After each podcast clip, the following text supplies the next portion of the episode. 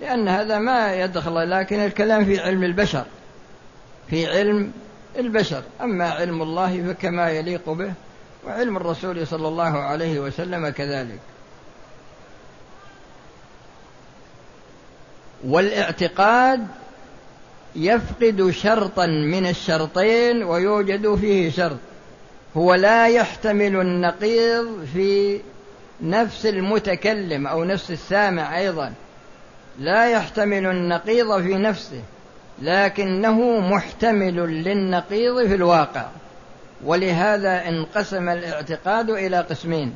قسم اعتقاد صحيح وهو ما طابق الواقع وقسم اعتقاد فاسد وهو ما لم يطابق الواقع. لأنك تعتقد الشيء لكن في النتيجة إذا كان اعتقادك وافق الواقع يكون هذا اعتقاد صحيح لكن إذا خالف الواقع يكون هذا الاعتقاد ليس بصحيح يكون اعتقادا فاسد ثم بعد ذلك تأتي المرتبة الثالثة مرتبة الظن. فمرتبة الظن إذا كان مثلا دار الأمر بين أمرين يعني احتمال. يقولون مثلا يبي يجي فلان تقول مثلا تجد قرائن تدل على أنه سيأتي لكن في احتمال أنه ما يأتي. فالاحتمال الراجح هذا يسمونه ظنا والاحتمال المرجوح يسمونه وهما والاحتمال المساوي هذا يسمونه شكا. فصارت المراتب العلم الاعتقاد بقسميه الظن الشك الوهم. هذه يسمونها مراتب الإدراك. وبهذا نكتفي من هذا الدرس ونسأل الله للجميع التوفيق. أشوف القلم يا حجي. قلم.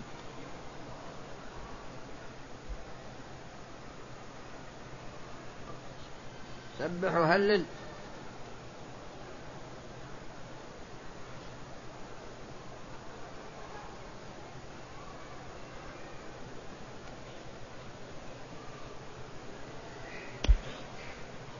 الدرس الذي بعد هذا في تخريج الفروع على الأصول. لأنني ذكرت لكم فيما سبق أن التخريج تارة يكون على القواعد الأصولية يعني تأتي قاعدة ويخرج عليها فروع. وتارة يأتي التخريج على قواعد الفقه قواعد فقهية. وتارة يأتي التخريج على الفروق الفروق بين القواعد الأصولية والفروق بين القواعد الفقهية. وتارة يأتي التخريج على الضوابط لأن الضابط يكون مثلا خاص في باب من الأبواب وهذا بخلاف القاعدة الفقهية تكون عامة القاعدة أعم من الضابط. وتارة يكون التخريج على قاعدة من قواعد مقاصد الشريعة. وتارة يكون التخريج على فرع من الفروع ولكن هذا خاص بالقياس. هذا خاص بالقياس. هذا الكتاب هو يمثل آه، واحد من الأمور التي ذكرتها لكم وهو عبارة عن تخريج الفروع على القاعدة الأصولية. وهذا الكتاب في تخريج الفروع على القواعد الأصولية المختلف فيها بين الشافعي وبين أبي حنيفة لأن المؤلف شافعي. المؤلف شافعي فيذكر القاعدة ويذكر مذهب الشافعي فيها ويذكر مذهب أبي حنيفة فيها وبعد ذلك يقول ويتخرج على هذا الأصل فروع ويذكر جملة من الأمثلة. وأنا أعدت هذا الكلام وإن كنت قد قلته فيما سبق لكن يمكن بعض الإخوان من الموجودين ما سمعوا هذا الكلام سابقا لعدم حضورهم. وأخذنا جملة من المسائل. والآن نذكر أيضا بعض المسائل.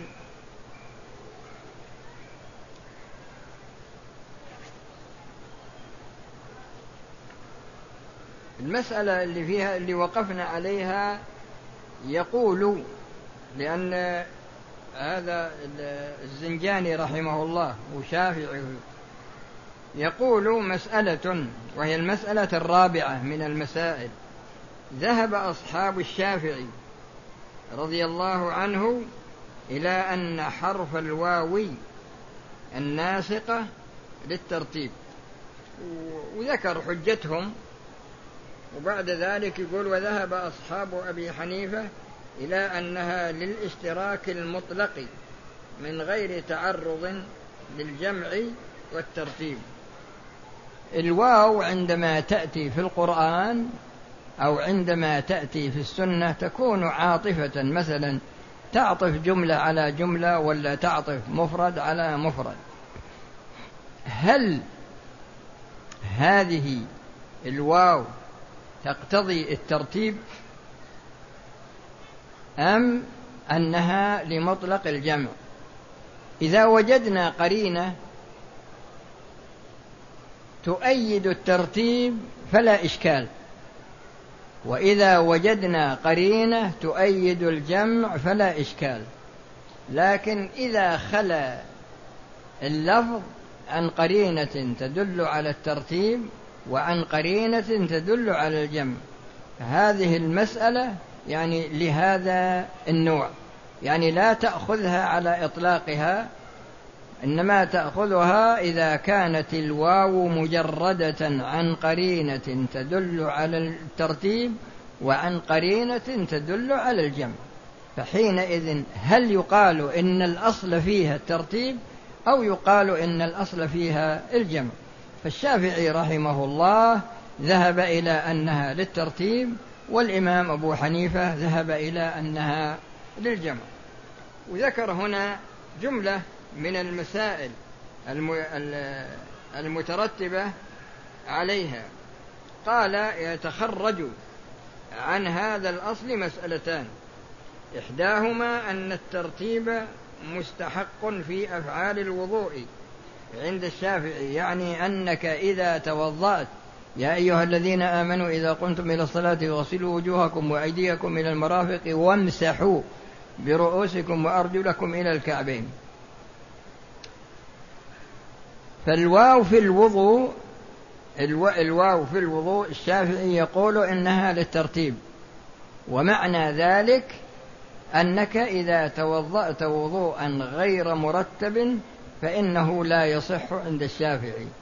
أما عند أبي حنيفة فإن الواو لمطلق الجمع فقط. لكن إذا نظرنا إلى أدلة الشريعة في الحقيقة وجدنا قرينة. وجدنا قرينة تدل على الترتيب. لماذا؟ لأن الرسول صلى الله عليه وسلم توضأ وضوءا مرتبا.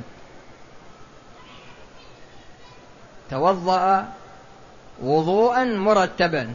وبما أنه توضأ وضوءا مرتبا فوضوءه هذا قرينة على أن المقصود بالواو هو الترتيب. وهكذا في قوله تعالى إن الصفا والمروة من شعائر الله.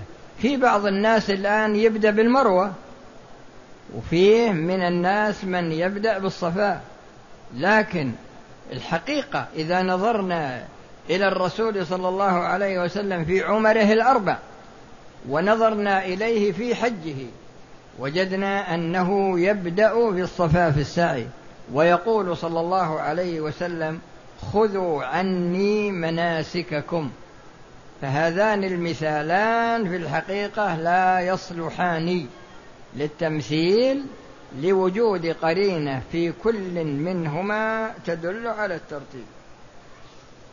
وتكفي هذه المسألة ونسأل الله سبحانه وتعالى بأسمائه الحسنى وبصفاته العلى وباسمه الطيب الطاهر الذي إذا دعي به أجاب وإذا سئل به أعطى أن يجعل اجتماعنا هذا اجتماعا مرحوما وتفرقنا تفرقا معصوما وألا يجعل فينا ولا منا شقيا ولا محروما وأن يتوفانا مسلمين ويحشرنا مع الذين أنعم الله عليهم من النبيين والصديقين والشهداء والصالحين إنه ولي ذلك والقادر عليه والحمد لله رب العالمين وصلى الله وسلم على نبينا محمد وعلى آله وأصحابه أجمعين وبالمناسبة ترى يعني ليلة السبت ما, ما فيها درس لأني أبصير مشغول في جهة أخرى فما يعني الزابلة ليلة السبت العادة أن يصير فيه درس لكن الزابلة ما صاير فيه درس.